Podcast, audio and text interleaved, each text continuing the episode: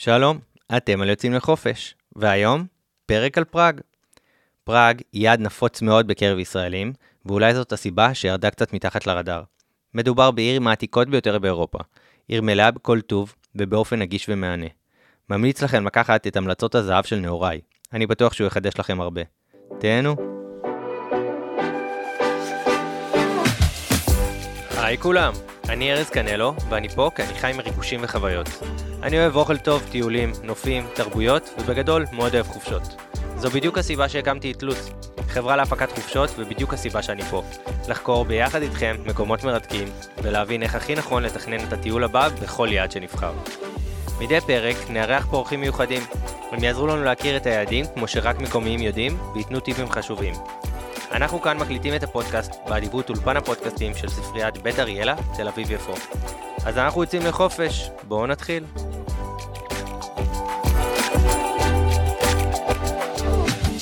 טוב, אז uh, שלום כולם, uh, ושלום לנעוריי, שנמצא איתי פה היום. סוף סוף זה קורה, מה נשמע? לגמרי סוף סוף זה קורה. טוב, אז זה לא כזה פה, זה פה קצת בפראג, ואני בתל אביב, אבל uh, סופר מגניב.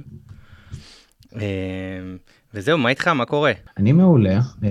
כמו צ'כי טוב, מבסוט לראות מזג האוויר טוב, עושה אותי גם שמח. והאמת שחיכיתי מאוד שנעשה את הפודקאסט הזה הרבה זמן, כי ניסינו את זה הרבה זמן, ואני עם הסיורים וזה כל פעם לא מצליח, והנה סוף סוף זה קורה ואני יותר ממאושר כרגע. אני לגמרי איתך, זה באמת לקח לנו מעט, אבל יאללה, הנה זה קורה, ואני צופה לנו פרק כיף מאוד. ולכולם, נאורי סבן, שף ומדריך סיורים קולינריים, גר בפראג בששת השנים האחרונות, נכון נאורי? כן, נכון, נכון. האמת שהתחלתי ב-2012, האמת, פה, את המסע המאוד מאוד ארוך שלי בפראג, אבל כמו שאתה אומר, באמת בששת השנים האחרונות. תן על זה איזה חצי דקה. מה זה התחלת ב-2012, אז מה היה בין לבין? הייתי בחור ישיבה בעבר, נקרא, לא יותר מדי רחוק שלי, ותמיד חיפשתי ככה לטרוף עולם, לנסות משהו חדש, להגשים את עצמי בצורה הכי טובה, אני אגיד את זה.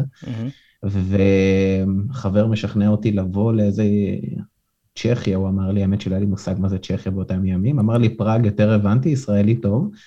והגעתי לעבודה בעגלות, משהו שהרבה ישראלים נפלו בו, אבל היה הדרך הראשונה שלי בחו"ל, המקום הראשון, חוויה חדשה, חוויה עם אנשים חדשים ממזרח אירופה, אנשים עם וייב שונה ומנטליות שונה, שלא היה לי מושג שקיים דבר כזה בכלל, ואני מנסה ככה לדשדש ולהבין, כן, אין לי אנגלית, בחור ישיבה, כן, לא באמת מבין משהו. אבל האמת שלא נשארתי פה בפעם הראשונה הרבה זמן, ועברתי לאיטליה, לגרמניה, וככה ניסיתי מקומות חדשים, כי צ'כיה לא הסתדרה לי משום מה. עד שאיזשהו טיול קצר שהחזיר אותי לפה, גרם לי להיתקע פה לתקופה קצת יותר ארוכה, ובאמת בסוף 2015 נתפסתי פה קצת יותר חזק. מגניב. טוב, אז מה אתה עושה שם בשש, בשש השנים האחרונות? בשנה הראשונה עדיין, אני ידע, ידעתי שאני בא לפה וידעתי בכל הכוח שאני מגיע לפה, אבל לא יודע עדיין מה אני עושה פה, מה אני אעשה ואיך אני, אני אצליח לתפעל את עצמי בעבודה ובשפה, שזה מאוד קשה פה. ו... זהו, אני רק, אני רק אפריע, סליחה שאני מפריע, שאני אגיד, זאת אומרת, אתה איש קולינריה, אתה שף, אתה התעסקת בזה גם לפני, נכון? נכון, נכון, התעסקתי בזה גם בארץ, התעסקתי בזה גם בארץ, עבדתי מסעדות מאוד נחמדות בארץ. אבל להיכנס פה גם למטבחים זה, זה לקבל וייב קצת שונה, וכשניסיתי אותו, את האמת שמאוד מאוד התאהבתי, והייתה הדרך הראשונה שלי בעבודה פה קצת במטבחים, היה חוויה נורא נורא כיפית, האמת שיש איזו פריבילגיה מדליקה לישראלים, שהם יכולים, בגילי 18 עד 30 אפשר לקבל איזה אישור עבודה מאוד פשוט פה בצ'כיה. וואלה. אז כן, אז נתן לי את השנה הראשונה, בהמשך הכרתי את ארוסתי כיום, ומה שנקרא, היא מסמרה אותי פה מאוד מאוד חזק, אין לאן לברוח. אז בעצם סיורים זה בא כזה מיד אחרי, כמו... על הצורך, זה, כי זה כן דבר מאוד איני כזה, שמאוד אוהבים ומאוד טוב, אז אני מאמין שזה היה חלק מזה בטח, לא? היה לי איזשהו ביקור בארץ בסוף 2000, בתחילת 2017, היה לי איזה ביקור קצר בארץ, ואנחנו יושבים כמה חברים, ומישהו זורק כזה לאוויר, נאורי, אולי תעשה סיורים קולינריים, יש לך מספיק ידע בצ'כיה, ויש לך מספיק ידע באוכל, אולי תנסה. ואני מפרסם באיזושהי קבוצה, קבוצה מאוד פופולרית של תיירים, שאני אערוך סיורים קולינריים. באמת ששכחתי מזה, יומיים אחרי אני פותח את האינבוקס ואני רואה שהכל מפוצץ, ואמרתי, הופ, גיליתי פה משהו חדש, וכנראה זה מה שאני הולך לעשות, אז uh, טסתי חזרה לפה בידיעה שיש משהו חדש, וזה עובד עד היום. איזה יופי. אז אה, טוב, סופר מגניב. אה, וזה, וזה מה שקורה בעצם עד היום. ו... מה אבל עוד משך, ב, כאילו מה כזה, איך היית מגדיר את פראג, מה ה vibe שלה, איך החיים שם, איך לחיות שם, איך לבקר שם? אני אגיד את זה בתור אחד שגר כאן, עוד לפני שנגיע לתייר בכלל, אמ, מילה אחת שקונה אותי וזה שקט. אם הייתי יכול להראות מה יש מסביב הבית שלי, זה בעצם איזה אזור כפרי, שקט, אה, הכל רגוע ובצ'יל, באווירה שונה לגמרי, ואין פה לחץ, ואני מאוד מאוד אוהב את זה, קצת קשה לי בארץ, יש את הלחץ הישראלי התמידי, אה, שהוא מדהים, כן, וכל אחד, מי שמצליח לאכול אותו אה, באהבה גדולה, אני לא מצליח, ואני מוצא פה באמת את השקט ואת הרוגע שלי, אה, וההגשמה העצמית שלי מאוד, שמאוד חשובה לי אחרי היציאה הזאת מהדעת, שהיא ממש, אני מצליח לגרום לעצמי להגשים את עצמי פה. אז אה, זה לגמרי אחד הדברים ש, שמושך אותי, עוד לפני רגע שנדבר מה מושך את התייר הקלאסי לכאן. אה, את האמת שלא חשבתי שפראג היא כזאת, כאילו דיברנו ונרחיב על זה ואתה תספר לי עוד. אמרת לי שזה קצת אה, כמו חופשת בטן גב, אבל רק בסגנון עירוני יותר. בדיוק. כן, אז זה הסגנון. ככה. אז גם, אז גם כשאני בא לתייר, זה מה שאני צריך לצפות? יש, שוב, יש פה, יש פה דברים, מי שמחפש בכל זאת אקסטרים, אה, אני נתקל אה, בסיורים באמת אה, בכל צבעי הקשת, באנשים שבאים לסיורים. לא, לא רבים האנשים שמחפשים את הדברים האקסטרימיים, כשיש בהמון מקומות באירופה. צ'כיה היא ב style קצת שונה, אפילו שאני חושב שכולם יכולים למצוא את עצמם, עדיין התייר שיבוא ויחפש את עצמו בקטע של להירגע ולפנק את עצמך, זה התייר שבעיניי ייהנה פה הכי יותר, כי זה מה שהעיר הזאת משרה.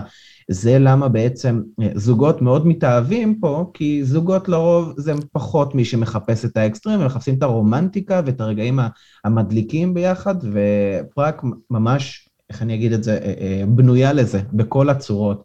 אה, גם, גם מבחינת היופי שלה, שאפשר פשוט ללכת עם פה פעור פה על כל הבניינים המאוד מאוד עתיקים שנמצאים פה מסביב, בכל זאת עיר כמעט בת אלף שנים, אה, נצבר פה הרבה דברים עם השנים. אז אה, באמת התייר שמחפש את השקט ואת הרוגע מוצא את עצמו פה הרבה הרבה הרבה יותר. מגניב, אני חושב שכאילו עוד משהו שתפס אותי, אולי כי אני כזה, אה, סיפרת לי שבעצם הצ'כים, האנשים שגרים בפראג, הם מאוד מכבדים פנאי. ושזה מוביל אותם אה, באורח חיים שלהם, זאת אומרת, אה, לא העבודה ולא כאלה, יותר התרבות הפנאי שלהם. אה, ואני מאמין שזה גם חלק ממה שמתווה את האופי של העיר והווייב שם, לא? לגמרי, לגמרי ככה. אפשר, אפשר להבין כאילו ש... כשהצ'כים הם אנשים שמסתכלים על החיים באופן קצת שונה של, אה, היי, נולדת, אחר כך התחלת לעבוד, בוא, בוא ניתן את, את הכבוד גם לחיים, עוד הרבה לפני העבודה. אמ, במערב זה לא באמת קורה ככה, אבל פה, פה יש דגש אחר, ופה לדוגמה קשה מאוד למצוא מסעדה שפתוחה אחרי השעה עשר וחצי בלילה, משהו לאכול. אין. למה? כי יש חיים לטבחים, יש, טבח, יש חיים למי שעובד מאחורי הקלעים, ולא תמיד צריך לספק את התייר המאוד מאוד רעב, תמיד יש את וולט, כן? אבל... כן. אמ, בסופו של יום... אבל הם לא רודפים אחרי ש... זה, זאת אומרת. הם לא רודפים, בדיוק, הם לא רודפים אחרי זה. אה, יש כאלה אה, תיירים שעלולים לכנות אותם עצלנים, מה שאני לא אוהב, כי הם לא עצלנים בכלל.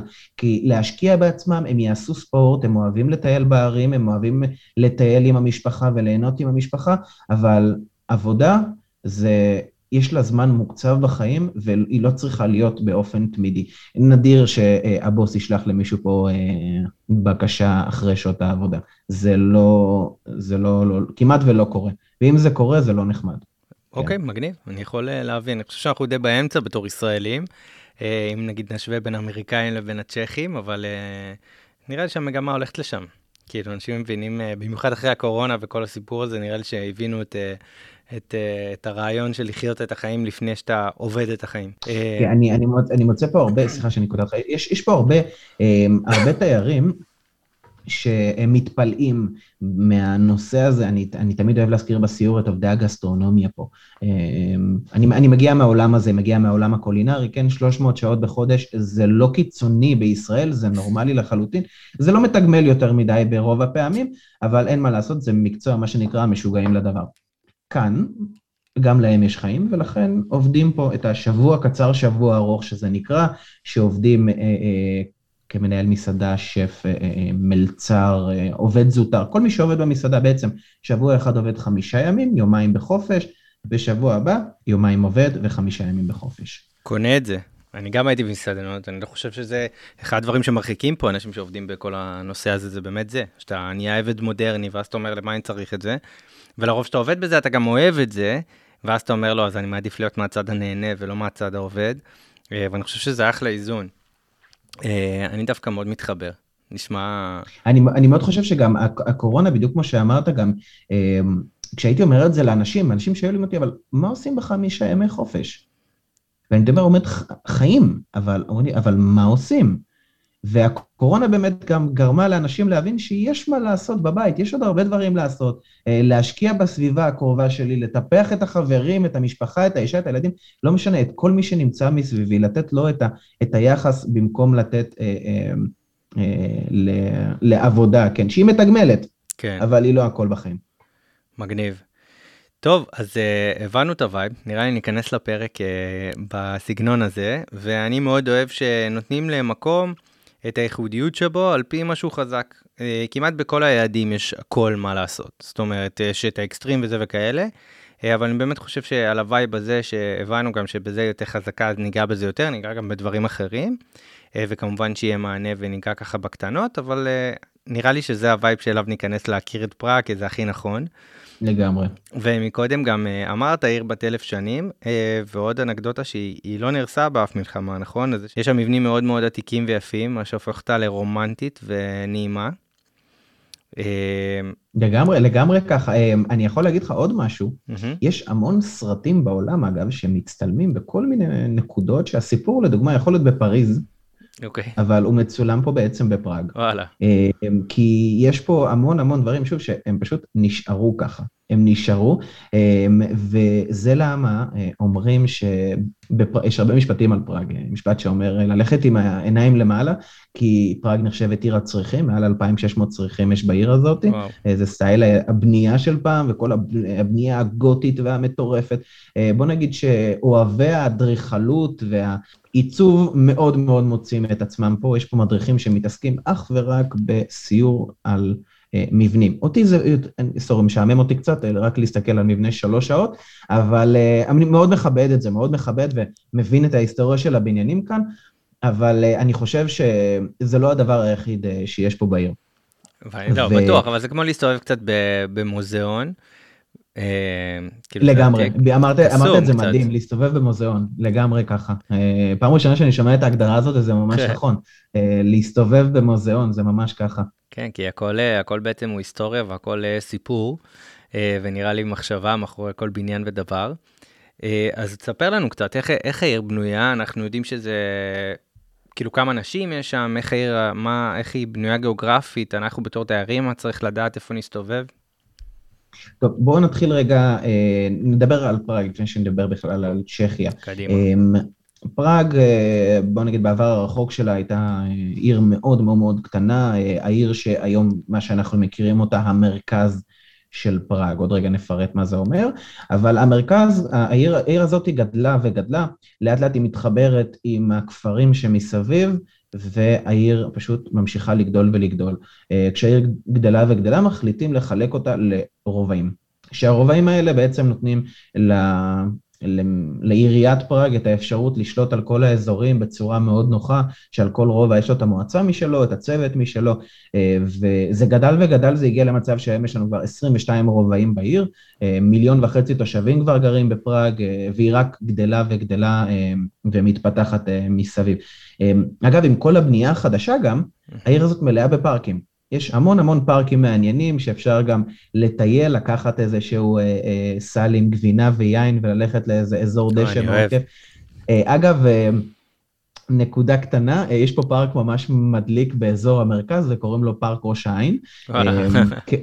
כמחווה לעיר התאומה, כן. אוקיי. לא יודע מי אחראי לתאומות האלה, אבל בכל זאת, אם כתבו, כנראה שכן. מגניב. עכשיו, עוד משהו שרציתי להגיד, עם הזמן, בגלל שכל הבניינים האלה, הם פשוט צברו עוד ועוד ועוד ועוד דברים, אז נכנס פה הרבה דברים עם השנים, סתם לדוגמה, הדברים הטובים בעיר, אפשר למצוא אותם בכל מקום, כן? אה, פראג אמנם היא מאוד גדולה ומרכז התיירות חולש על רוב המספר 1 וקצת נוגע ב-2, איפשהו קצת ב-6, אבל באזור מאוד מאוד מאוד ברור. אז בגדול, סליחה שאני עוצר אותך, אם אני, אני בתור תייר אתמקד, אני אלון במרכז העיר, אני אסתובב רוב הזמן שלי בפראג במרכז העיר. שזה כן, רוב האחד. סבבה. לגמרי ככה. Okay. אוקיי. אפשר לצאת ולעבור לעוד נקודות. כן, אבל, תמיד, אבל, אבל, אה, אבל בגדול, סבבה. זה, זה, זה אזור המרכז לתייר. עכשיו, mm-hmm. בגלל מה שקרה עם השנים, אז אפשר למצוא פה, סתם לדוגמה, בוא נלך רגע לתקופה הלא כל כך רחוקה מעכשיו, כשהרוסים שלטו פה, אנחנו במקרה בימים מאוד דומים לזה, כן? אבל הרוסים שלטו פה בתקופה הקומוניסטית, והיה אסור להתקהל. ויש שכונה של סטודנטים, שכל השנים היא הייתה של סטודנטים. והשכונה הזאת, מי, תגיד, מי אתה שתגיד לסטודנטים לא להתקהל? הם העם שהכי מתקהל. זה המהות ו... של סטודנט, זה להתקהל. לגמרי, כן. לגמרי ככה. אז אתה יכול להיכנס, יש בשכונה של הסטודנטים, שנקראת וינו הורדי, אתה יכול להיכנס לדוגמה לבית לחנות סיגריות, חנות סיגריות ואלכוהול, מי שיודע ומכיר יודע ללכת לדלת מאחורי הבחור שעומד שם. אתה נכנס לבפנים ושם אתה מגלה בית קפה עצום עם ארסלים וספות ואפשר לשבת ולהירגע ובכיף, ושם לדוגמה, בהרבה מקומות כאלה דווקא כן מותר לעשן. אסור לעשן פה במקומות סגורים, אבל זה בעצם המקום של כזה מאחורי הקלעים, מאחורי החוקים, אפשר להיכנס ולברוח לשם. Uh, כמובן שיש דברים כאלה גם ברמות מאוד מאוד גבוהות, uh, כמו כל מיני בר ספרייה זה נקרא, מה שנקרא לקרוא ספרים בראש טוב, כן? אתה קורא ספר, okay. אוקיי. מגישים לך כל מיני צ'ייסרים טובים, uh, ואז, אתה, ואז אתה עוזב את הספר. סבבה. אז כל זה קורה מה, גם במרכז העיר או ברוב האחר? זה קורה גם במרכז העיר, אבל חשוב מאוד, אני, אני דוגל בלא להסתכל למעלה, אלא להסתכל תמיד ימינה ושמאלה ולחפש סמטאות. אמ, זו עיר מפוצצת בסמטאות. כמה שאני חי את המרכז, אני נושם את המרכז, אני כל יום שם, אה, עדיין אני לא יכול להגיד שאני מכיר אותו כמו כף ידי, כי יש גם עיר מתחת לאדמה, עיר עצומה שיש בה המון אמ, גם מחסנים של חנויות וגם כל מיני ברים אפלים ומדליקים שנמצאים מתחת לאדמה, אבל בסמטאות קורה החלק המדליק ביותר בעיר, וזה אגב אמ, בגלל השליטה הקומוניסטית שהייתה בעצם אה, אוסרת על התקהלות של אנשים, אז כולם בורחים לאזורים השקטים יותר, אה, ואני תמיד ממליץ, מי שמגיע פה, אגב היום נכנסנו באחד הסיורים, אמ, ממש במרכז העיר יש את אזור שנקרא כיכר וצלב. זה המרכז של העיר, שם כל התיירים מגיעים, זו הנקודה שכולם יודעים עליה.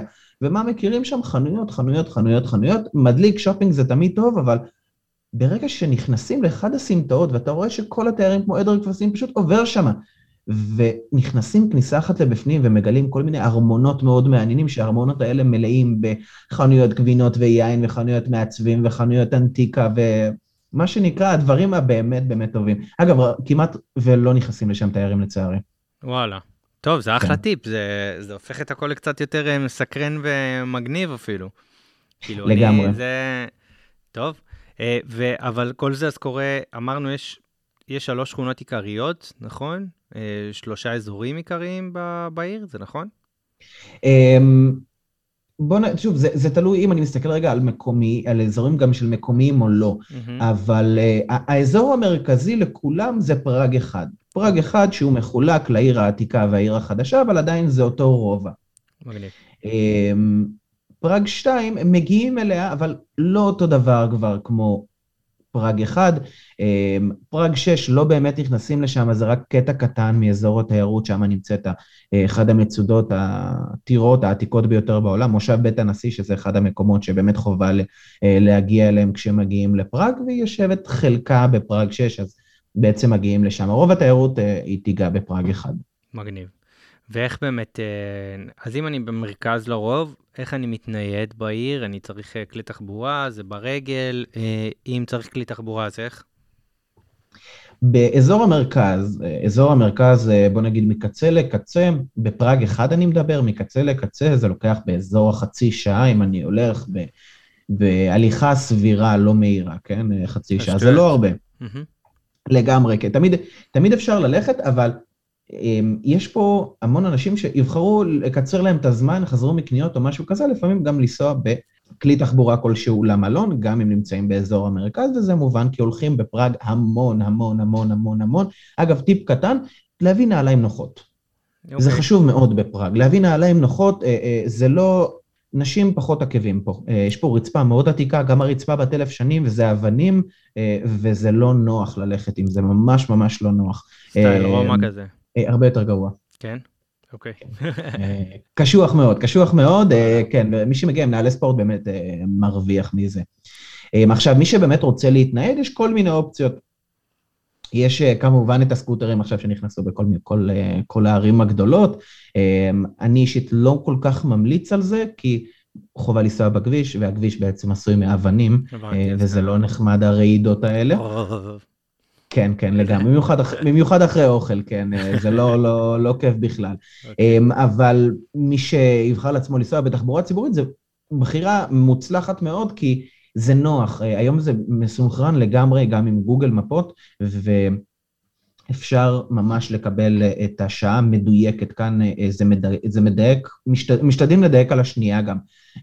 והתחבורה הציבורית היא מאוד מאוד מאוד נוחה לשימוש. אה, והיא כוללת בעצם אוטובוסים, חשמליות, מה שנקרא טראם, אה, מטרו, הרכבת התת-קרקעית, הסאבווי, וסירות. וואלה. עכשיו. זהו, לא אמרנו, אה, יש נהר שחוצה את פראג, נכון? נכון, נכון, נכון. יש נהר שחוצה את העיר. אגב, הוא חוצה גם את, את האזור המרכזי בין העיר העתיקה לשכונה שנקראת מלסטרנה, שזה אומר הצד הקטן, מאלסטרנה זה השכונה שנמצאת ממש מתחת למצודה, זה שכונה עם בתים פרטיים קטנים כאלה וכל מיני מלונות בוטיק ואזור מאוד מאוד יפה. אה, הרבה תיירים לא, מעדיפים לא לקחת שמה, אה, אה, לשם מלון, כי נוח, לא נוח להם כל פעם לחצות את הנהר לצד השני, אין באזור הזה יותר מדי מה לעשות, אבל הוא אזור מאוד יפה. Cool. אז בעצם מי שרוצה לנסוע בתחבורה ציבורית, תמיד יש את האופציות של כל מיני סוגי כרטיסים לפי זמנים. יש את הכרטיס המינימלי שהוא של חצי שעה, שעה וחצי, יום, 24 שעות, שלושה ימים, חודש, שנה וכהנה. אמ, והכרטיס הזה בעצם תקף לכל תחומי התחבורה הציבורית בתחומי פראג. אפשר לנסוע אה, מברכבת, אגב, גם הרכבת הבינלאומית שעוברת פה, אני יכול לנסוע מתחנה לתחנה בתוך פראג, זה גם נוח. המטרו, סירות שמעבירות לצד השני של הנהר, שזה אחלה של שייט ואחלה של אקסטרה, זה ממש נחמד, לפעמים סירות עץ כאלה יפות, אה, קוראים לזה אה, הולקה, הולקה זה נערה, הנערה אה, מעבירה אותך לצד השני, כן. קול. אוקיי, אז זה פרקטיב זה גם עובד טוב, זאת אומרת, אפשר כן, כן, לקנות, כן. מגניב. יקר? לא, התחבורה הציבורית מאוד מאוד זולה, כרטיס של חצי שעה עולה באזור פלוס מינוס יורו, יורו כ-30 קורונה. 25 קורונה זה יורו. אוקיי. אה, ומוניות? שווה, יקר? מתניידים במוניות בכלל? מוניות, אה, חשוב, אה, חשוב לשים לב לדבר הזה, אין מה לעשות בכל, בכל מקום בעולם, יש את מה שנקרא הנהג, נהגי המוניות, כן? כן. אנשים שלפעמים גם עוקצים, כמובן שיש גם אנשים טובים בכל התחום הזה, אבל אין מה לעשות, מוניות פה הן מצרך יקר, וכל עוד שאין לך מספר טלפון בחשבון בנק, אז לא, לא, לא, אני לא, אני לא, לא שש לעלות למונית. אמ, אם אני כן בכל זאת ארצה להשתמש... זאת אומרת, הכל יעיל, נוח וזה, אתה לא באמת צריך את ה special הזה. לא, אבל אה, כרגע בונים לדוגמה רכבת מהשדה תעופה לעיר. אין, רק, אין אה, תחבורה ישירה לשם. צריך לקחת אוטובוס ואז מספר תחנות של אה, חשמלית, זה מייגע ומעייף. אה, ואם אני לא ארצה לקחת מונית, מה שמאוד מאוד יקר, אני אוכל לקחת מה שנקרא את Uber, או את האפליקציה Bolt, שהן מתחרות אחת בשנייה, והם בעצם שירות של נהגים פרטיים, שירות אגב מאוד מאוד בטוח ומאוד אמין. שיכול לקחת אותי מנקודות לנקודות בעיר במחירים שלפעמים הם יכולים להגיע ליותר מרבע, זול יותר מרבע מהמחיר של מונית רגילה. משמעותי, ואז זה גם משמעותי מאוד, ובאמת דגש ממש חשוב של איך מגיעים מהשדה, מהשדה לעיר, שזה דגש שאני גם רוצה להכניס לכל הפרקים, לא תמיד נגעתי בו וזה בא גם כהערה. אז באמת אז אוקיי, אז פראג הכי נוח באמת לקחת, להזמין באפליקציה או באובר או בבולט אמרנו, נכון? כן, כן, או שיש, האמת שיש גם המון נהגים ישראלים שהם אה. עושים שירות מעולה והם יחכו עם אה, שלט בכניסה, ממש. ביציאה מהשדה, ויקחו, והמחירים שלהם הם מחירים מעולים, הם הרבה יותר זולים מנהגי מוניות. סתם, מה, מגיע להם דרך הקבוצות וכל הדברים האלה, שניגע בזה בהמשך, אבל... דרך הקבוצות, לגמרי, לגמרי, כן. אוקיי, קול. סבבה, אמרנו עיר קטנה ללכת, עיר יפה. אה, מקודם ציינת שמזג אוויר כיפי ואתה מבסוט, אה, וזה אומר שזה אביב. אז אה, מתי באמת הכי מומלץ לטייל בפראג, או מה מאפיין כל עונה בפראג? אז קודם כל, בוא נדגיש את התאריך היום, כי עכשיו זה ממש ממש ממש טוב להגיע לעיר. עכשיו אני חושב שזו התקופה הכי כיפית. כי אנחנו מקליטים את זה בתחילת מאי, רק... אה, לגמרי, כן. לגמרי ככה. אמ, יש לי איזה מאמר שפעם כתבתי על כל הנושא של מזג האוויר, כי המזג האוויר פה הוא, הוא מאוד מוזר. אנחנו בלב אירופה, ובגלל המיקום הזה, המזג האוויר פה נורא נורא נורא משתנה. אנשים שמתכננים את הטיול שלהם בפראג, אני לא ממליץ להסתכל על מזג האוויר שבוע קדימה, כי זה לא יהיה נכון, ואני ממליץ גם לבדוק וואלה. את זה. כאילו, אני אבדוק שבוע הבא יכול להיות גשם באותו יום, פתאום אנחנו נגיע ליומיים לפני, שמש חמסין, כן? אין פה חמסין, אבל... כן. אמ, כדוגמה. והמזג האוויר הכי נעים, נקרא לזה, זה התקופה של האביב. כי יש פחות גשמים, והנה הדוגמה היום, 22 מעלות, מזג האוויר מאוד מאוד אידיאלי לטיול. יש ימים קצת של גשם, אבל זה לא הגשם הקשוח של הקיץ. בקיץ אנחנו מגיעים לטמפרטורות די גבוהות, 32 אה, גם אה, מגיע, הגיע גם ל-42 ב-2019, אה, אבל זה נדיר. ובדרך כלל בסוף היום העננים ככה מתקדרים ומתחילה סופה מאוד מאוד מאוד קשה של גשמים מאוד חזקים וברקים ורעמים, וכל העיר ממש מוצפת בן רגע. אז זה מאוד קיצוני ממה שאנחנו מכירים, או ממה שאני, ממה שאנחנו מניחים. זאת אומרת, אביב תקופה מהממת, ואז קיץ תקופה מאוד חמה, ועם מלא גשמים, גם רציניים. כן, וואו, כן. אוקיי. ומחשיך מוקדם, מחשיך מאוחר, איך זה עובד? אמ, בכללי, בוא נדבר רגע על... אמ, בחורף, קודם כל חשוב לדעת, ינואר-פברואר, אין מה לעשות פה. באמת, אין מה לעשות פה. סבבה. תכנן בזמן אחר, קרקע מאוד, אה, ובאזור החורף, בוא נגיד, היום הכי ארוך, היום הכי קצר בשנה זה בעצם, לא יודע, ב-23, 24 לדצמבר. אה, ובימים האלה ממש בשעה שלוש וחצי בערב שקיעה, וזריחה בשעה שמונה וחצי בבוקר. וואו. אה, וכן, המון, המון, המון אפור באוויר, אבל דצמבר זה תקופה מאוד מדליקה, כי זה כריסמס, והכריסמס בפראג עם כל, ה, עם כל הצריפים וכל הקישוטים, כאילו ממש הולכים בהגדה, וכולם עם, ה, עם הכוסות יין וחצי שיכורים ומחייכים וצוחקים, נורא כיף. אה, אגב, זו תקופה, אגב, תקופה מאוד מאוד מאוד כיפית לטייל בה. מסתמן, אה, זה כאילו חוזר אחרי כל פרק וכל פרק שאנחנו מקליטים, שכריסמס פשוט... אה, זה זמן מדהים. אה, נראה לי גם ישראלים מתחילים לפתח לזה מודעות, זאת אומרת, וזה, ואגב, המחירים תמיד בטיסות מהארץ לחו"ל בזמן הקריסמס הם דווקא המחירים גם מאוד נוחים, אז... זה גם אחלה. כן, כן, לגמרי, לגמרי ככה, במיוחד לאזורים כאן שנחשבים קרים, אה, בתקופת הקריסמס אה, יכול, יכול להגיע פה אה, ל-13 מינוס גם, 14 מינוס, אבל זה, זה תקופות קיצוניות, בדרך כלל עומד על מינוס 0 עד 5, אה, זה זה, זה הנורמה בעצם של, אה, של מזג האוויר באותה תקופה. אגב, הסתיו והאביב הם בערך דומים, ובסתיו גם יש, יש קצת גשם, אבל אה, די נוח, כאילו ספטמבר, אוקטובר גם מאוד מאוד נוח לטייל פה. אה, אני חושב שספטמבר, אוקטובר, מאי, יוני, גבולי ביוני, כי מתחיל להיות חם, אבל זה התקופות הכי הכי יפות לטייל פה בעיר. אז בכל העונות, בערך אנחנו מדברים על העונות מעבר, אולי קצת החורף היותר קשה, בגדול זה אותו סגנון טיול. אין איזה... כי, קיץ לא כזה מומלץ להגיע, וחורף uh, קשוח גם לא מומלץ, אז בעונות המעבר אלה העונות הכי מומלצות, ובעצם אנחנו מדברים על uh, סגנון טיול uh, שהוא אחיד, uh, שאנחנו נדבר עליו ונרחיב, אז באמת להסתובב בעיר, להתרכז במרכז העיר, הרבה הליכה, uh, הרבה סמטאות, הרבה uh, מונומנטים, בוא נקרא לזה, אוכל שתכף ניגע, אבל זאת אומרת, זה סגנון הטיול. אורבניקה, אני, לגמרי. אורבני כזה, רומנטי, uh, זוגי, uh, אבל זה כן uh, מקום שיכול להתאים גם לעוד סגנון של טיולים, נכון? לגמרי, לגמרי כן. יכולים למצוא את עצמם מצעירים אה, שבאים אה, לחגוג כאן, חברים למסיבות רווקים, מסיבת רווקות, אה, תמיד תמיד יש פה קבוצות מאוד גדולות. אגב, בקיץ אי אפשר לפספס את הבריטים, הם ה... הם האנשים שיודעים לחגוג מסיבות רווקים, והם רוקדים ושרים בעיר אחרי שהם שותים הרבה בירות. וזה כאילו כחיי הלילה בעצם. כחיי הלילה, אבל אה, דגש על הבריטים, יש להם חיי הלילה גם ביום. אה, הם אלו אנשים קצת שונים. אה, אבל אם נדבר רגע גם על חיי הלילה.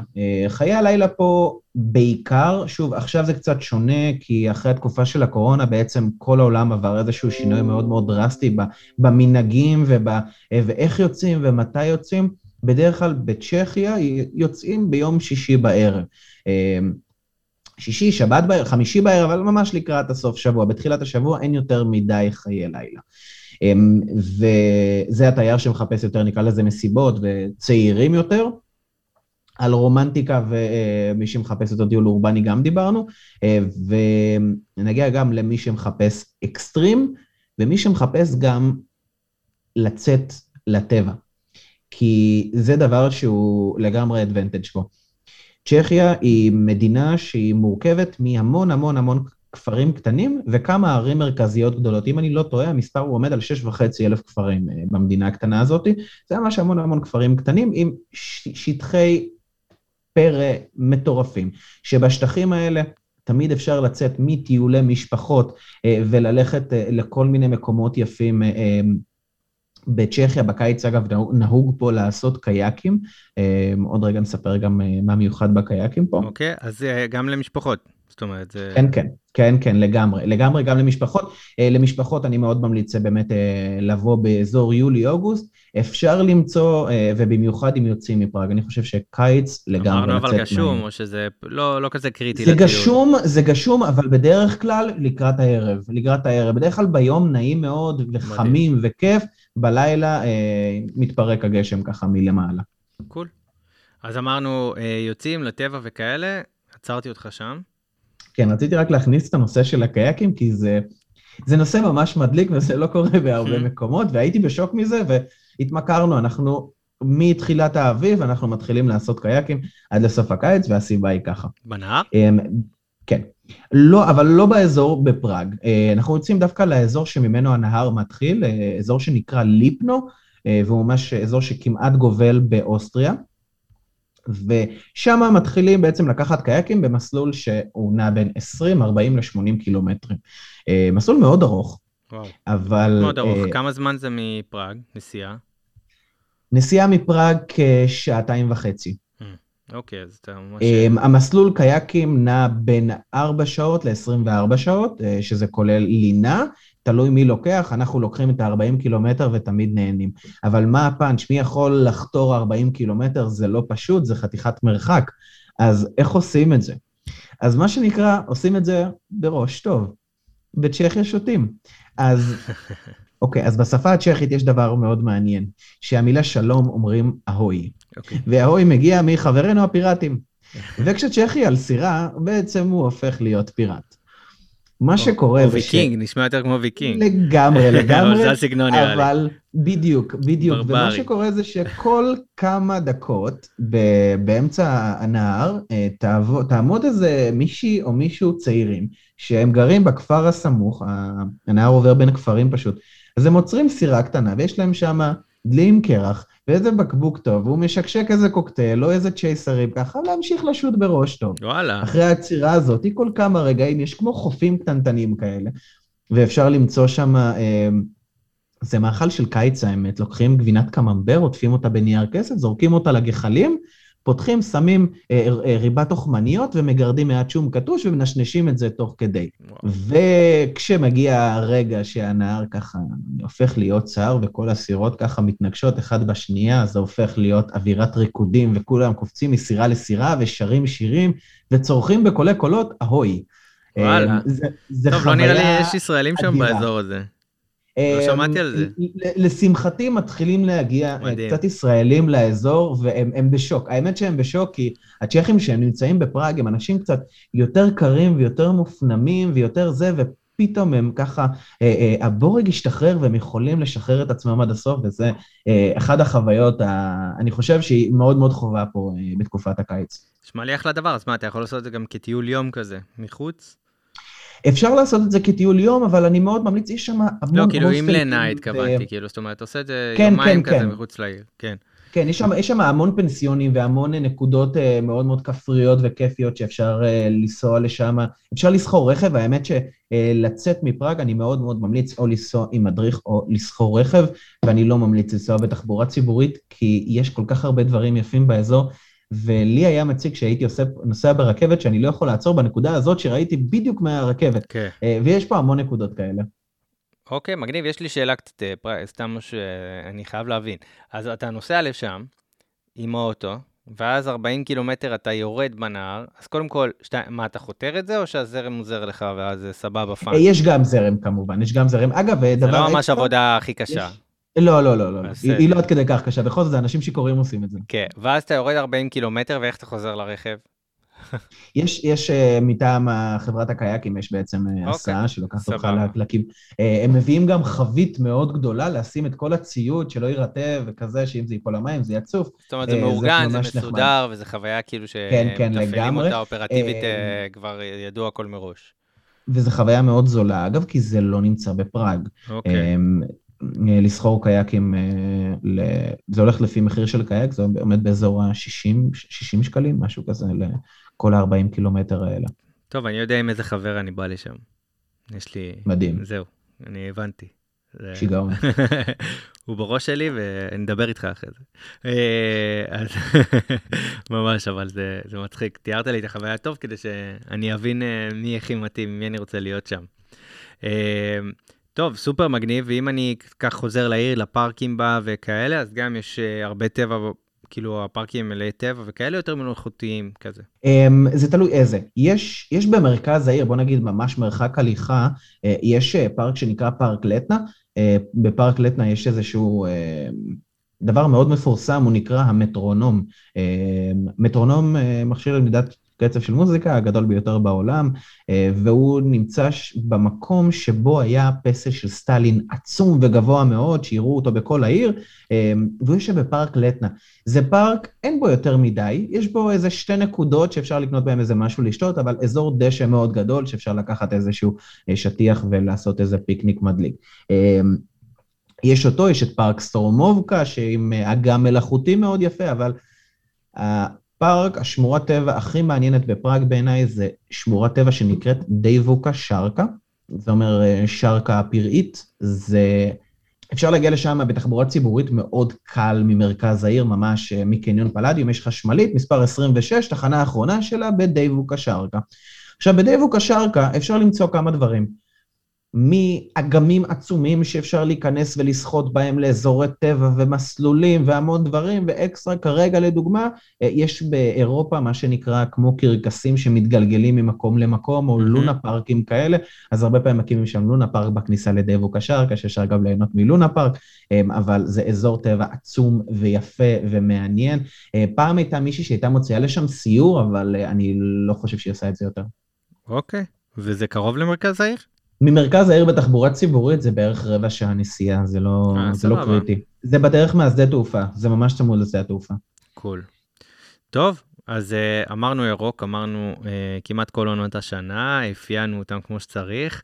Uh, דיברנו קצת על מחוץ לפראג, שאני חושב שזה יכול להוסיף עוד יום-יומיים לטיול שחשבתם לעשות, וזה גם מאוד מאוד משתלם ונוח, וגם אחלה למשפחות, נכון הקייקים? לגמרי. כי אמנם שותים וזה, אבל בטח גם ילדים אה, מתקבלים. לגמרי, לגמרי, כן, לגמרי. סבבה. ואני רוצה לחזור קצת לעיר ולבסיס. ולהבין איפה, איפה אני ישן, איפה לנים בדרך כלל ומה נהוג. מי שמגיע לפראג ישן במלונות, ישן בדירות, ובאיזה אזורים בדרך כלל? אז בואו נתחיל רגע מהנושא שבמרכז העיר כיום יש את שתי האופציות, יש גם בעצם דירות Airbnb וגם מלונות. התייר, נדמה לי כזה, התייר הישראלי הקלאסי יעדיף דווקא מלונות בגלל הנוחות, בגלל לפעמים שהוא לא יודע איפה נמצא ארוחת בוקר וזה הכל נגיש לו במלון, המלונות בעצם נמצאים במרכז וההפרש ביניהם במחירים בין דירת Airbnb למלון בסדר, המחירים לא כל כך שונים. Okay. אוקיי. אז הרבה פעמים נוח יותר לאנשים לקחת במלונות, אפילו שאני חושב שיש פה דירות Airbnb מטריפות ומאלפות ויפהפיות, אני אגב אחד שמעדיף לראות Airbnb, אה, כי יש שם מטבח ואפשר לעשות שטויות. כן, כן, לגמרי, לגמרי, לגמרי. אני ניגע בזה, זו שאלה שאני שומר. אנחנו, אנחנו ניגע בזה, ומי שרוצה, בוא נגיד, אה, אה, ללכת למלונות קצת יותר מעניינים, כי המלונות בסופו של דבר, ברוב הפעמים, במיוחד בטיולים אורבניים באירופה, משמשים לדבר אחד, הלינה בלילה והמקלחת. זהו, כל היום מטיילים בחוץ, באים מקלחים והולכים לישון. יש מלונות שקצת יותר מעניינים, אה, לדוגמה מלון האוגוסטין, אה, שהוא מלון שנמצא במנזר עתיק מאוד, עם אה, מבשלת בירה בת 400 שנים, מלון חמישה כוכבים הוא יקר מאוד, אבל אני חושב שהוא באמת דבר מעניין, כי יש בו הרבה אקסטרות חוץ מהקטע של השינה, והוא נמצא, כמו שאמרתי, שיש מלונות בצד השני של הנהר, הוא נמצא שם, כן, כן. הבנתי. האמת שבערב השנה החדשה לקחנו שם אה, מלון באיזושהי נקודה כדי לראות את, ה, את כל הזיקוקים ואת כל, ה, כל האווירה של ערב השנה החדשה, והאמת שזה היה, היה ממש שווה את זה. קול. Cool. סבבה, אז לרוב אנחנו נתרכז בזה, והסברת, ונראה לי אנחנו נעבור גם ככה לנושא שאני מחכה לו ממש, ושנינו נראה לי שהכי אוהבים, אה, אבל אמרת ארוחת בוקר במלון וכאלה, מומלץ, לא מומלץ, אה, לאכול בחוץ, כי אני כי לא כל הילדים זה ככה, לא, לא תמיד עדיף אה, ארוחת בוקר בהכרח במלון, בטח לא באירופה. לגמרי. לגמרי, זה מאוד משתנה באיזה רמת מלון לוקחים. אמ, ואני מאוד ממליץ גם להסתכל באמת על ביקורות בנושא ארוחת בוקר, כי יש מלונות, אגב, ואפילו מהטובים כאן, שיכולים לסיים עם ארוחת בוקר אירופאית, שזה שתי פרוסות נקניק, כן. גבינה, כרוב כבוש, כן? אין יותר מדי. זהו. אמ, מצד שני, קח לדוגמה את מלון קינגסקורט. אמנם הוא בבעלות ישראל, אבל הוא, והוא בעשירייה הפותחת במלונות בעיר, אבל יש לו ארוחת בוקר בסטנדרט מאוד מאוד מאוד גבוה, שלדוגמה מי שייקח אה, מלון שמה ויש לו ארוחת בוקר אין לו סיבה אה, לאכול, אה, לאכול בחוץ. יש סיבה, כן, אבל כן, זהו, לא צריך את זה. איך המסעדות אה, זה מגישות ארוחות בוקר, מפנקות כזה? יש סצנה כזאת של ארוחות בוקר? ארוחות בוקר פה, אה, בשונה נקרא לזה ממזרח תיכון, כיוון שאין פה כל כך כמות גדולה של ירקות, בדרך כלל הארוחת בוקר שהכי נפוצה, אגב, באירופה מאוד, זה הבנדיקט. בנדיקט עם רוטב הולנדייז כלשהו, זה מה שרוב המקומות יגישו. אה, בשנים האחרונות נכנס גם הסצנה של האבוקדו בארוחות בוקר, סצנה שאני מאוד מאוד אוהב שנכנסה, אבל מי שירצה, אני, אתן איזה דוגמה מאוד מאוד מעניינת לארוחת בוקר, כי זה ארוחת בוקר הרבה יותר ממה שהיא. אה, יש פה מקום שנקרא קפה סבוי, אה, בניין מאוד עתיק ומעוצב בצורה מיוחדת מאוד, ויושבת שם אחת מקבוצות המסעדות המצליחות ביותר בפראג, אמביינטה היא נקראת אגב, ובקפה סבוי, זה מה שנקרא ארוחת בוקר אה, יוקרתית. היא לא יקרה, אבל היא יוקרתית מאוד. אה, סתם לדוגמה, אה, לוקחים קורסון חמאה, עושים לו חריץ באמצע, ושמים בפנים ביצה מקושקשת, ככה מלאה בשמנת וחמאה, מעל קמעין שחורות פרוסות דק וכוס שמפניה. אוקיי. בוקר טוב, מה שנקרא. ממש בוקר טוב. לגמרי, לגמרי.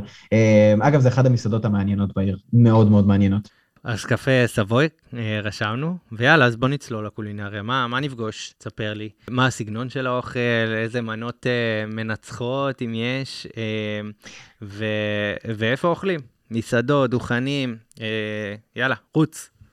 בוא, בוא, בוא, כן, זה עכשיו יש לי לשפוך uh, הרבה.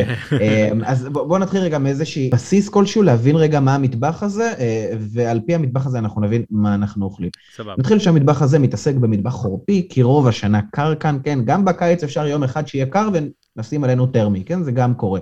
אז תמיד אנחנו מוכנים לאוכל חורפי, ארוחת צ'כית תמיד מתחילה במרק חם ולא משנה מתי. אז זה מטבח חורפי, והוא מטבח שפחות מתעסק בדברים טריים. אנחנו יותר מתעסקים פה במעושנים, כבושים, מיובשים, אה, אה, דברים כאלו. כמובן שאפשר למצוא גם סלטים כאן, אבל, ואני, ואני ארחיב על זה. Mm-hmm. התייר הקרניבור ימצא את עצמו מאוד מאוד מאוד טוב בפראג, כי לא חסר בשר בפראג, באמת בכל חור אפשר למצוא פה, אה, ואנחנו נתמקד עוד רגע גם במסעדות שמגישות בשר בקר, רוב הישראלים, כמו שאני שם לב פחות, אוכלים חזיר, אה, שזה מאכל מאוד מאוד פופולרי פה, אבל אה, כשאני מדבר בבקר, יש כאן קצביות, וזו סצנה מאוד מאוד מעניינת. אני למדתי בצ'כיה דבר מדליק במסעדות. מקום שמגיש בירה, אני לא אבקש יין, במקום שמגיש בשר אני לא אוכל אוכל צמחוני. כל אחד במה שהוא מתמחה בו. Mm-hmm. אז קח לדוגמה את קנטינה. קנטינה היא קצבייה, והקונספט הוא מעניין כי אתה בא לקצב, ואתה בוחר ממנו מה שאתה רוצה לפי משקל. ואז נכנס לבפנים, ובפנים מחכה לך שולחן שיש עצום, יש בצ'כיה דבר כזה שנקרא לאודקי, זה אומר לאכול בעמידה. וצ'כים מאוד אוהבים את זה.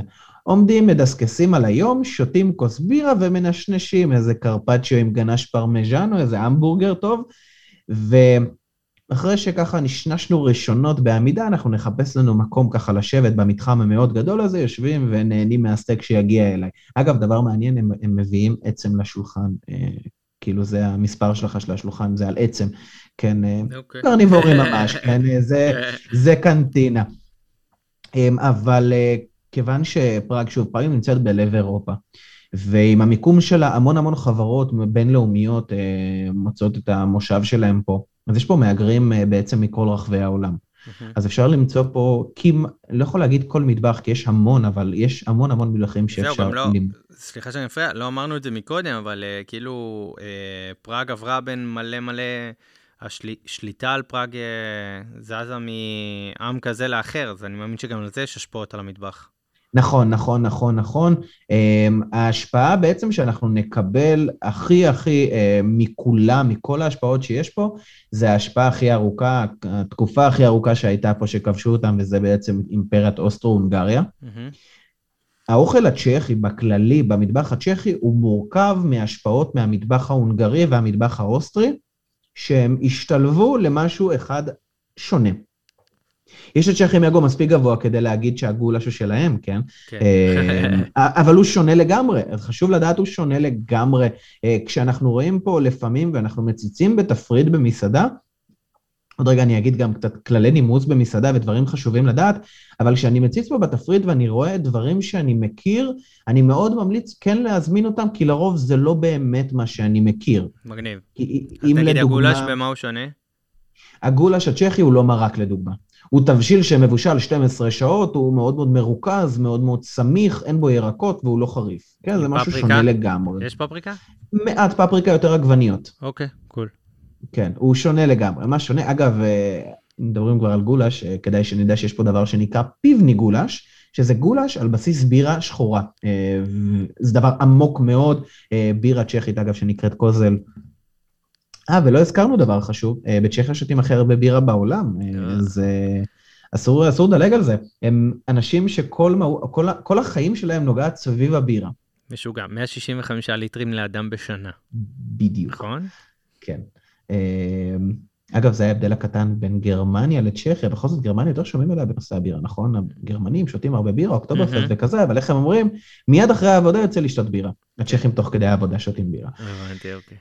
Um, עכשיו, הגעתי למסעדה, um, בהבנה שהגעתי למסעדה צ'כית, אני אשמור מעט על כללי נימוס, um, וקודם כל לא נהוג לשים תיק על שולחן. תמצא, שים את זה על הכיסא. מאוד מאוד נורמלי, אבל uh, לא תמיד שמים לב לנושא. והמושג שאני קורא למלצר עם היד הוא לא, לא ממש נחמד פה. הם לא אוהבים שקוראים להם מרחוק, אה, ככה שהם עושים להם עם היד, אה, אחי, אני פה, הם לא אוהבים את זה. אה, למלצר קוראים עם העיניים, איך מסתכלים עליו, הוא מיד יבוא, זה דבר שהוא מאוד מאוד מאוד רגיל כאן. לא להיבהל כשהם מניחים איזשהו פתק על השולחן עם כל מיני קשקושים מוזרים, כיוון ששותים פה הרבה, הרבה בירות כבר הזכרנו, והמלצר של הבירות זה תמיד העובד החדש, העובד שנותנים לו את העבודה הקשה. הראנר, כן.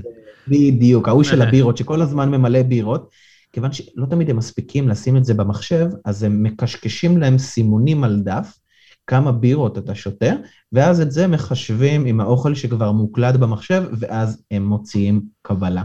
הבנתי. ואם כבר על הנושא הזה, אז בואו נדבר גם קצת על טיפים, שטיפים בצ'כיה, במסעדות, אה, במסעדות אה, פועלים נקרא לזה, נהוג לעגל את הסכום כלפי מעלה, לא יותר מדי, זה מאוד נורמלי, גם ארוחות הן מאוד מאוד זולות במסעדות פועלים, אני מדבר על אזור ה-25 שקלים לארוחה, אה, ארוחה מאוד, ארוחת צהריים טובה. שם אני אעגל במחיר. כשאני אגיע למסעדות קצת יותר, אה, אה, ארוחת ערב, שם נהוג להשאיר, להשאיר בעצם עשרה אחוז אה, בשירות טוב. במסעדות היוקרה כבר לוקחים מראש 12.5 אחוז, או באזורים תיירים, וחשוב, אזורים תיירותיים, ובאמת חשוב לשים לב לזה. אבל דבר שחשוב לדבר עליו, כי אני רואה הרבה אנשים שבאמת נבהלים וקצת חוששים שעוקצים אותם. בסוף כל הקבלה, סליחה, כל, כל הקבלה, תמיד אנחנו נקבל את פירוט המע"מ. יהיה רשום שם או 15% או 21%, כי לכל אה, פרודוקט מסוים יש לו את המע"מ משלו, אה, דברים שמיוצרים בצ'כיה, אלכוהול וכזה, ולפעמים אנשים חושבים שזה טיפ שכבר כלול להם בפנים. אז תמיד להסתכל על אם רשום עם service include או, או לא, אה, ו... וזה כאילו בתפריט לא כתוב את המע"מ הזה, מוסיפים את זה אחרי זה. לא, לא, לא. זה, זה חלק מהמחיר, לא, זה, זה כלול אה, אוקיי, בפנים, סבבה, אז פשוט, אבל זה לא הם חייבים טיפ, פשוט. לפרק את זה. כן, כן. אה, פשוט להסתכל ברם רשום בגדול אם הסרוויס כלול או לא. אוקיי. אז דקה, אבל אם אני חוזר לאוכל, שנייה, אז לרוב אנחנו נאכל מסעדות, נכון? אוכל רחוב אין יותר מדי. אוכל רחוב אין יותר מדי, הוא נכחד לאט לאט בשנים האחרונות. אה, ואגב, הרבה אנשים מגיעים לפה ומחפשים נקניקיות באוכל רחוב. כן. נקניקיות לא אוכלים פה באוכל רחוב, אוכלים באמת במסעדות. הכיוון היום אה, נראה שצ'כיה מכוונת להגיע לתייר היותר יוקרתי, התייר שמשלם יותר, מה שנקרא יותר במסעדה. מהמם. אבל יש עדיין את האופציות כן לאכול ברחוב. אה, יש אופציה אחת, שהיא מניפסטו אנדל. אני אחזור, מניפסטו אנדל. אוקיי, אמ, שוק, אה, שוק אוכל? שזה מתחם אוכל מדליק מכל מיני מקומות בעולם, דוכן ברזילאי, דוכן של פירות ים, דוכן של אודיר בייקרי, שזה קונדיטוריה מאוד מאוד מושחתת שמוכרת קרואסונים, ואם קר אז מדליקים מדורה באמצע המתחם, ולפעמים מקרינים שם סרטים. מתחם מאוד מאוד מדליק, מאוד צעיר, עם וייב מאוד מאוד צעיר, שלא תמיד יש את זה פה בעיר, וזה אחד המקומות מגניב. הצעירים מאוד אוהבים את המקום הזה. Uh, המקום הזה אגב מקבל אשראי uh, בלבד, והם הבטיחו שיום אחד הם יפתחו בתל אביב, וזה לא רחוק היום, זה מה שהוא אמר לי. מעניין אוקיי. מאוד מתי זה יקרה, כן. קדימה. Uh, מתחם ממש מעניין. עכשיו, עוד מקומות שאפשר להיתק... להיתקל באוכל רחוב, זה בשווקים. Uh, אין יותר מדי שווקים בצ'כיה, שוב, עוד חיסרון מהתקופה הקומוניסטית, סגרו את השווקים, העבירו את כולם לסופרים לאכוף את הכספים מהמם. והכל. כן, אה, תלושים. כן, אבל מה, ש... מה שאפשר למצוא בעצם, בואו ניקח רגע את שוק נפלבקה. שוק נפלבקה, אה, נפלבקה זה אומר על גדות הנהר. אז מעגן של אסירות, יום שבת בבוקר, 70-80 דוכנים מכל טוב ארץ צ'כיה. מנקניקיות ועד דגים ועד בשר ועד אוכל מוכן שאפשר לאכול, לאנשים אה, זקנות שקולעות נצרים אה, ומייצרות סלים וכל כן. מיני דברים מעניינים. שם בעצם אפשר להיתקל באוכל רחוב, אני חושב, הכי טעים שיש. אה, אגב, מי שמגיע לשם חשוב לדעת שהמעגן הזה הוא מלא בסירות, שכל המסירות הן גם מסעדות. אפשר. להיכנס ולנשנש קול. משהו ומה, ולשתות משהו, כן. ודקה, מה, איזה אוכל? מה זה אוכל רחוב? מה זה אוכל בכללי אה, צ'כי? אמ, אם נדבר. רגע על אוכ- אוכל רחוב, אוכ- אוכל רחוב הכי מוכר כאן בעצם זה הקיורטוש, שהוא נמצא פה בכל חור. Mhm. אמ, אני לא עף יותר מדי על הדבר הזה.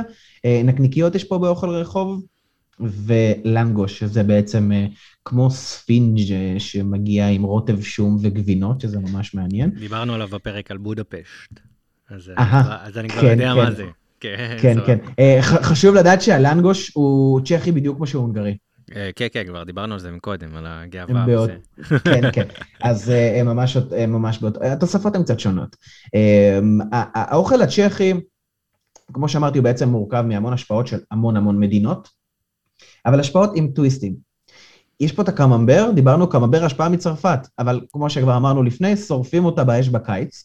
בחורף דווקא אוכלים אותה שהיא כבושה בשמן עם בצל וכל מיני תבלינים, יכול להגיע ל-72 אחוזי שומן. וואו. המאכלים פה עתירי, עתירי שומן מאוד מאוד מאוד, כי זה שוב, אנחנו מדברים על מטבח שהוא חורפי. Mm-hmm. מטבח שהוא ממש ממש חורפי, נאכל הרבה דברים כבושים, אה, לא חייב, תמיד יש את האופציה, ונאכל המון המון המון כופתאות.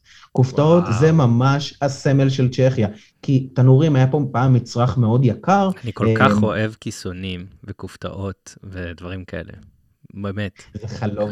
אתמול האמת, הייתי, הייתי במסעדת בשר די חדשה שעשתה איזשהו רי-אופן, קוראים לה צ'סטר, מסעדה מדהימה, והם עשו אה, כופתאות תפוח אדמה, וזה היה ממולא בבצל מטוגן וקינמון וכל מיני דברים ממש טובים, זה היה כמו נקניקי תפוח אדמה וואו. כאלה ממש ממש טעימים. אמ, ולא היה פה תנורים, אז רוב, רוב האוכל פה מתעסק בעצם בבישול, mm-hmm. וחשוב לדעת שמי שמזמין מנה עיקרית, שלא ייבהל מליגולים לבנים מוזרים כאלה שמגיעים על המנה, זה לחם מבושל. זה okay. אוקיי. פשוט לחם בכל הבחינות שלו, אבל טעים? הוא פשוט מבושל במים, זה טעים, זה כמו בן, כמו הבן האסייתי, לחם בלי הקשה פשוט, כן. פלאפי מאוד מאוד רך וטעים. אה, האמת שפעם רציתי לעשות סדנת אונליין בתקופה של הקורונה כדי לדעת איך מכינים את זה, אבל uh, לצערי זה, אי אפשר להכין את זה מחוץ לצ'כי, כי זה סוג של טחינה מיוחדת של קמח שקורית רק כאן. אמ, טוב. ואפשר למצוא, יש מקום שנקרא קנדלין, שזה מקום שמוכר כמו בשם קנדליק, כן. כופתאות. אה, והוא מוכר עשרות סוגי כופתאות ממולאות בכל דבר שאנחנו רק חושבים עליו. אה, הכופתאות בעיניי הטעימות ביותר, אה, זה כופתאות מבושלות במים והן ממולאות בפרי כלשהו, והן מוגשות, זה מגיע שלוש כופתאות, מעליהן מגיע חמאה, אבקת סוכר וקצפת עם דובדבנים. אמ, זה מושחת מאוד, אוכלים את זה כמנה עיקרית, זה לא קינוח. ממש מזרח אירופאי כזה, רוסי. מאוד, כן. מאוד, מאוד, מאוד, מאוד, מאוד, אבל זה מאוד טעים. זה מאוד מאוד טעים. אני מאוד חושב שהמטבח הצ'כי הוא קצת שונה מהמטבחים האחרים, כי הוא מטבח שהוא הוא, הוא התחיל בשנים שהמערב כבר נכנס. אז הם קיבלו המון אקסטרות שלא קיבלו את זה במטבחים האחרים. כל מיני אה, אה, חידודי טעם שאין בארצות מזרח אירופה האחרות. מגניב.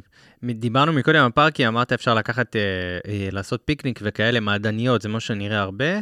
זאת אומרת, אם אני כן. רוצה מעדניות, לקנות את הגבינות השמנות שסיברת עליהן, לקנות בשר, נקניקים, דברים כאלה, יין.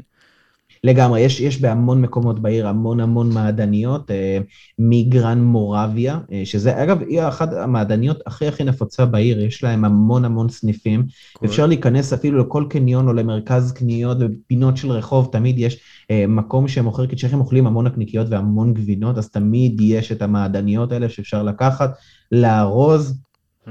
ויש אגב, יש בש, בשנה האחרונה, אה, יש מישהו שראיתי שהוא עושה בוולט אה, משלוח של סל פיקניק כבר מוכן, שהביא אותו עד אליך איפה שאתה, בלי לעבוד קשה. מגניב. אה, אני פחות אוהב, כי אני אוהב לבחור את הדברים שלי. כן. דבר שאני מאוד מאוד אצרף לסל פיקניק זה יין צ'כי. יין צ'כי הוא דבר מעניין, כי העיינות הצ'כים הם לא מהזנים המוכרים, הם זנים שונים מאוד. מה... יש, יש קברנה ומרלו, אבל הזנים המעניינים פה הם זנים אחרים, כמו הזן לודמילה. אמ, זן של יין לבן, קליל מאוד, כאילו אתה שותה כוס ואתה לא מרגיש ששתית כוס, זה מאוד, אחרי זה כן מרגישים בסוף, כן? כן. אמ, והם מאוד מאוד זולים, העיינות הצ'כים זולים מאוד, אמ, והם מגיעים מאזור שנקרא מורביה, אזור מלא בכרמים בצ'כיה. יינות יבשים? צ'כים שותים בדרך כלל חצי יבש. אוקיי. כן, אה, יש גם יבשים, אה, לודמילה הוא חצי יבש, אה, יש את אירסאי אוליביה, שזה ה favorite שלי ביינות הלבנים, והוא מאוד מאוד טוב ליד גבינות, הוא גם פירותי בסוף, הוא ממש פירותי, ובקבוק יין צ'כי לא אמור לעלות יותר מ-300 קורונה אם השקעתי. וואלה. שזה, פן. כן, נחלק בשבע, לגמרי, סבבה. לגמרי. ככה, אגב, גם בבר, גם בבר אפשר למצוא אה, אה, במחירים מאוד מאוד נוחים. כמובן שתמיד אפשר להשקיע ולהגיע למחירים הרבה יותר גבוהים. אבל אה, רק דרך המלצה אחרונה בנושא הפיקניק, ואני חושב שהיא המלצה מאוד מאוד חשובה, כי יש לה כמה נקודות טובות. המלצת זהב, כן. לגמרי, המלצת זהב, המקום נקרא פרוסקרנה. אוקיי. מלשון פרוסקו.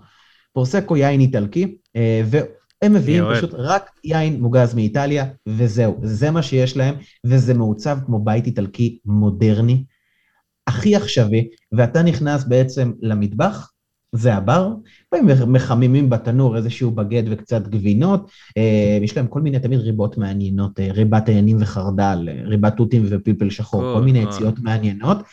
ואתה נכנס לכל מיני חדרים, יש לך את החדר אורחים, שזה החדר VIP, ויש לך את הסלון, שזה ספות מאוד מפנקות, ומקום מדהים, ואפשר, כן, נקניקים וגבינות וכל מיני דברים טובים במקום הזה.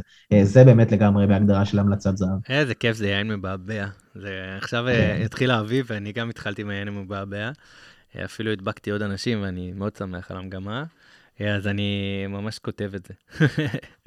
מעולה. אני אשלח לך גם את השם המלא שלו. ברור, ברור, וגם הכל נעשה בהיילייט ואחרי זה בסיכום של הפרק.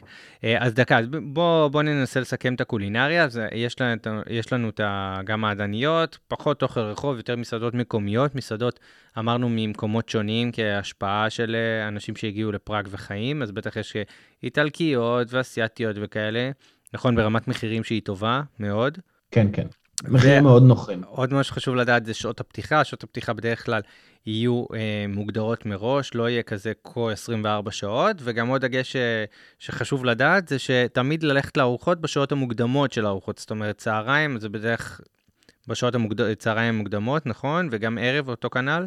נכון, נכון, נכון. אה, ארוחת ערב, אני לא אגיע למסעדה בשעה 10, כי לרוב לא יכניסו אותי כבר, ב-10 וחצי כולם כבר סוגרים מטבח. אוקיי. אז כזה סיט ראשון בטח שש וחצי, שבע כזה.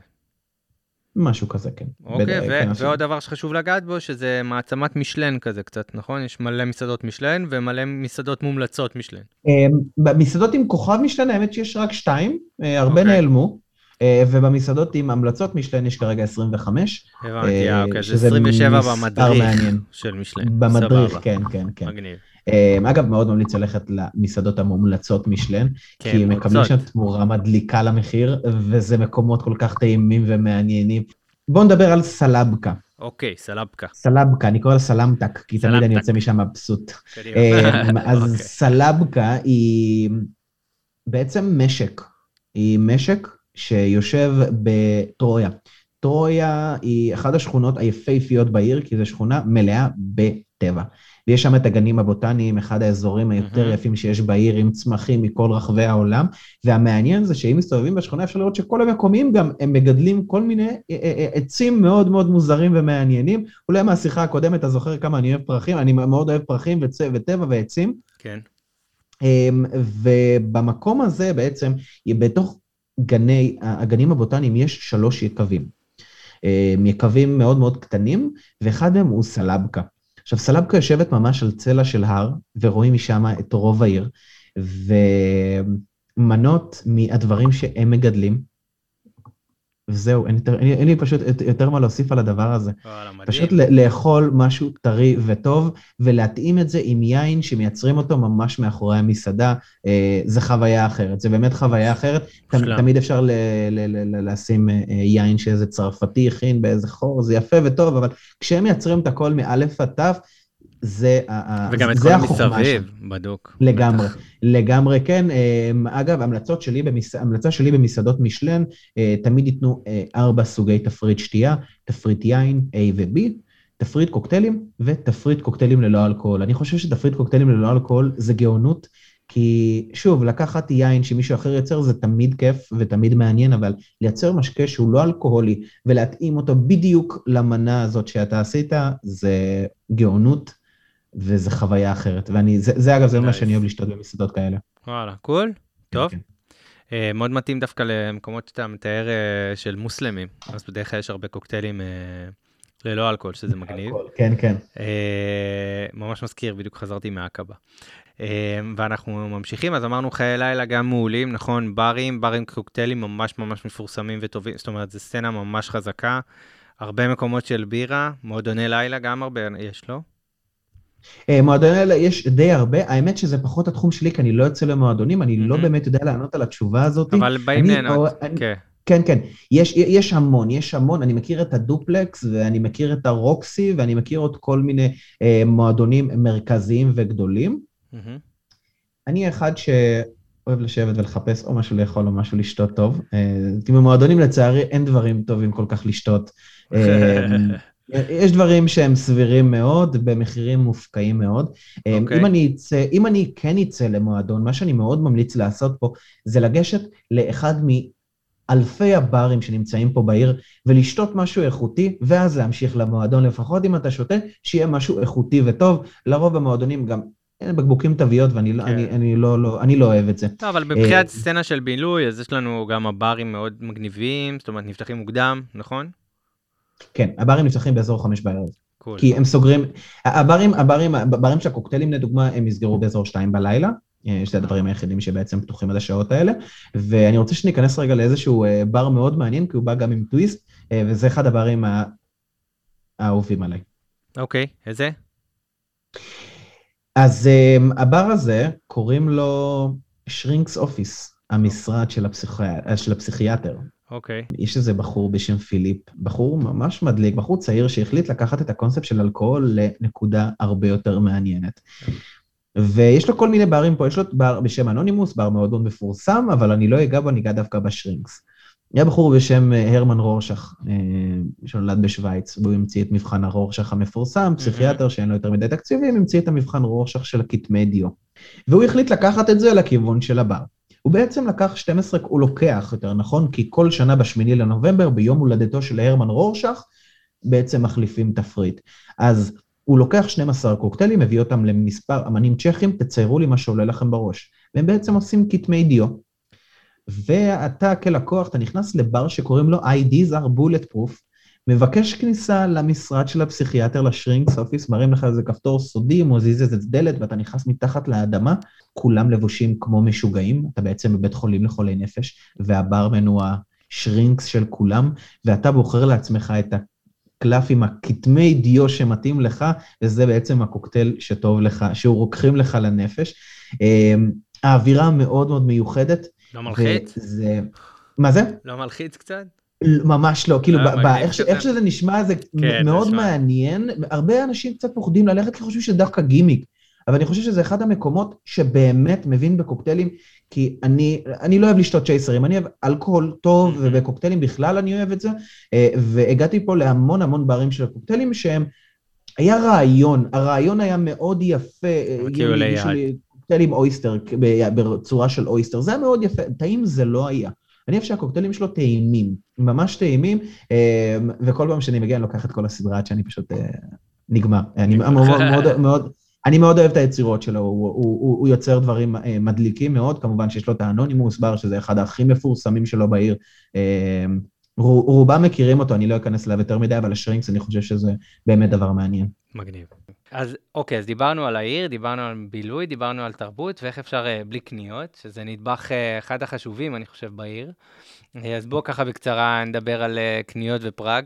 אמ, בוא, נ- בוא נעשה את זה בצורה הכי פשוטה. אמ, במרכז העיר אין יותר מדי. יש שופינג, לא יותר מדי, ואת השופינג האמיתי באמת אפשר למצוא מחוץ למרכז, ויש שופינג ממש טוב.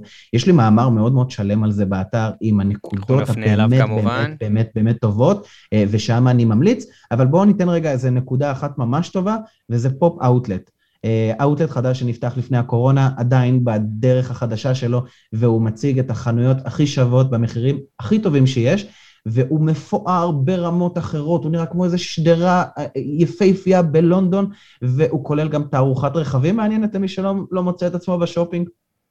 אמ, ואני אני חושב שיותר מה שקנה אותי בקניות שם זה היופי שלו, אבל יש שם אה, המון המון נקודות שאפשר למצוא בהם דברים טובים. בקיצור, מזוודה ריקה. לגמרי, אוקיי, לגמרי, מגניב. לגמרי ככה, כן.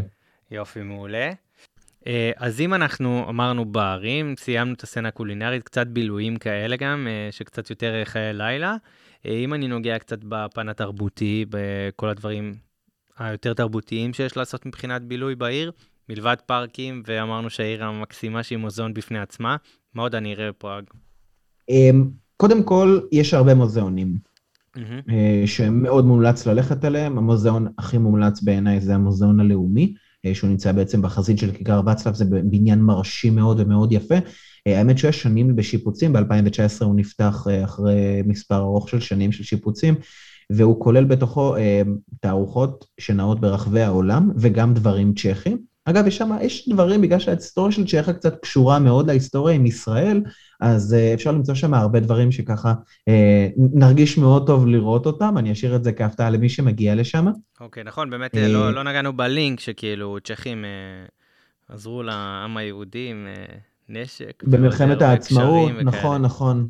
לגמרי, לגמרי, לגמרי, חייבים להם המון אה, לצ'כים, כן. אז יש הרבה, אז אוקיי, יש את המוזיאון הזה, ויש בטח, איזה עוד? מוזיאונים, אה, יש, יש אה, מוזיאון לאומנות עכשווית אה, וכל מיני גלריות מעניינות. אגב, מי שאוהב גלריות, אני מאוד ממליץ להיכנס לסמטאות, שם יש את הגלריות הכי הכי הכי יפות, כי זה בעצם האומנים האמיתיים, כן. שלא לא המפורסמים, אלה שבאמת מציירים מהלב, יש כאלה שגם נשארו ככה.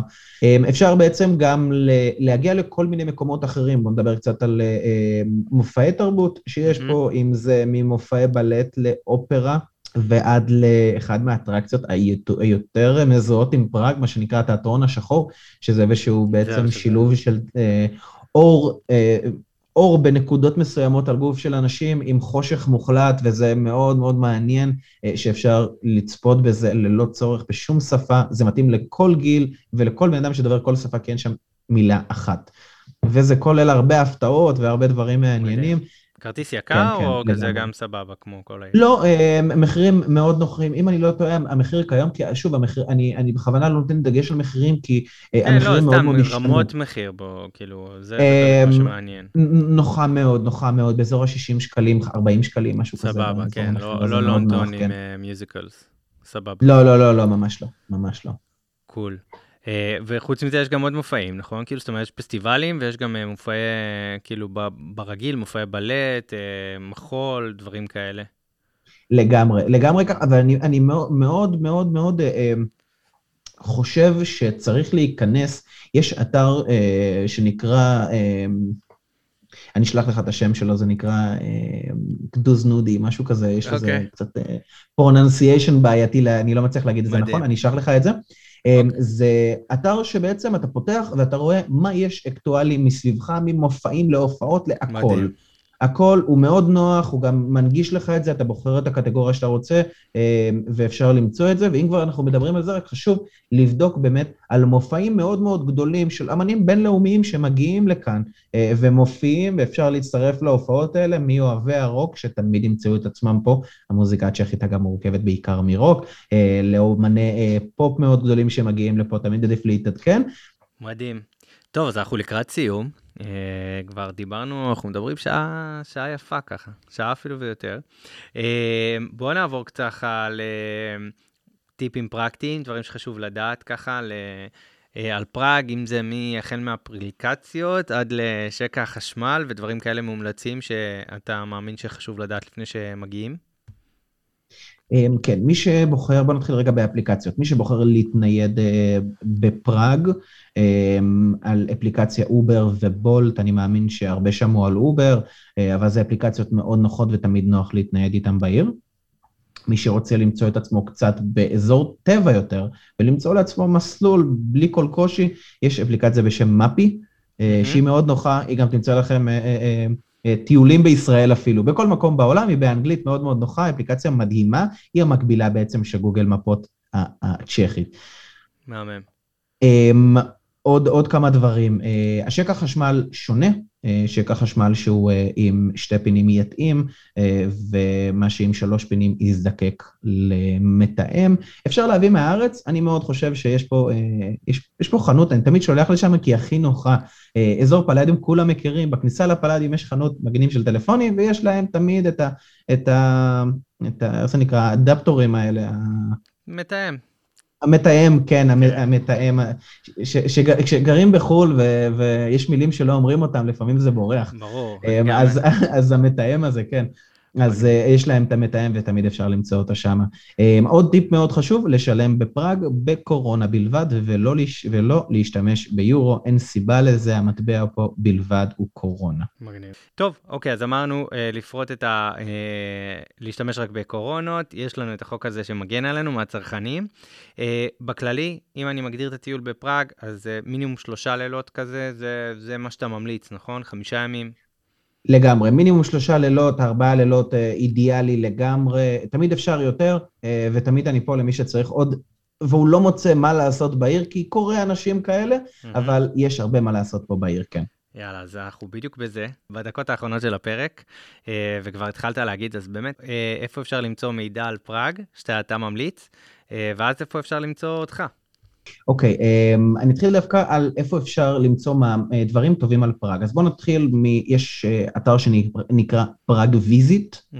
Prague Visit, יש שם את כל הדברים שצריך לדעת, מהנושאים של קורונה לכל. שכבר לא קיים פה, כן, אבל כן. כל הדברים האלה, ממש מא' עד ת', כל מה שהתייר צריך, בעצם יש לו שם את זה, מונגש באנגלית וכתוב.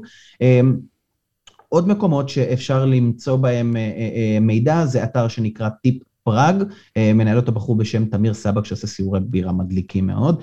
אמ, אז הוא בעברית גם. כן, כן, כן, האתר בעברית הוא מאוד מונגש ומאוד מסודר ומאוד מאוד מאוד עדכני. אמ, וקבוצות של פראג, אני חושב שבקבוצות של פראג, אה, אמ, מה שנקרא, כן, כן, הקהל עוזר לכולם ותמיד אפשר לשם לשאול שאלה ולקבל את המידע בצורה הכי טובה שיש. אה, יש קבוצה שנקראת פראג למטייל, אחת הקבוצות, הקבוצה היום אה, בפראג, אה, ויש קבוצה שנקראת אוכלים את פראג וצ'כיה. אה, כמו שאתה מבין, זו קבוצה יותר כן. בנושא האוכל. יש שם יותר מדי המלצות, אבל המלצות באמת באמת טובות, אפשר למצוא שם. מדהים. ואיפה אפשר למצוא אותך? Um, האמת שלא קשה, אפשר כן, לרשום את השם שלי נכון. בגוגל וזה כבר יעלה, כן. um, אבל uh, אפשר למצוא אותי uh, או באתר שלי, שזה Taste for Life, uh, COIL, ואפשר למצוא אותי גם באינסטגרם בשם ניאו סבן. אגב, הצ'כים נתנו לי את השם ניאו, כי נאוריי במבטא צ'כי, זה לא עובד. כן, אז אמר לי בחור, אמר לי, אני קורא לך ניאו, ניאו מטריקס, מתאים לי, אני אוהב. לגמרי. Um, אז הלכתי על ניאו, ובפייסבוק, סיורי אוכל בפראג. מגניב. Uh, טוב, יש לך, אתם uh, תיכנסו לשם, אתם ת, מחר תרצו לקחת טיסה ולאכול בערך את כל פראג. חבר אמר לי, במוס שום קנית אותי, נכון? יש שם איזה אזכור על, על משהו עם מוס שום היה שם? כן, כן, כן, כן, נכון, נכון, נכון. נכון. מוס שום בר עם קוביות אנשובי, שזה היה אחד הטובים. שיתפתי אותו וזה, והוא אמר לי, טוב, קנאתי את זה, אז אתם ממש מוזמנים. נהוראי, ממש ממש ממש תודה. אתה לא מבין איך אני שמח שזה, שזה קרה, ואני באמת נהניתי, ווואלה, באמת שלא שמתי לב לזמן, אמרת לי שעה, אה, מדליק ביותר. מדהים, מדהים, מדהים. ואולי נעשה גם פרק ב' מתישהו, תמיד אפשר לדבר עוד. אה, אני בטוח שיהיה לזה מקום, ונרחיב, אז תתכונן. אז שוב, ממש ממש תודה, ותודה על הזמן, וממש שמחתי, ואני בטוח שגם כל מי שמאזין פראג, ככה תגלה עליו גם הצורה הנלהבת שלך, וקצת אחר, אני חושב שזה יעד שקצת שכחנו ממנו, למרות שהוא תמיד היה ברקע פה בישראל. אבל... אה, ובגלל זה המוניטין שלו כביכול ירד, ואני חושב שזה אחלה יעד. אז uh, תודה רבה לך, ותודה לכם שהאזנתם. אנחנו היינו יוצאים לחופש, הפרק על פראג. אם נהניתם, אני ממש אשמח שתעשו שיתוף לחברים שלכם, לייק ותגובות uh, בכל הפלטפורמות.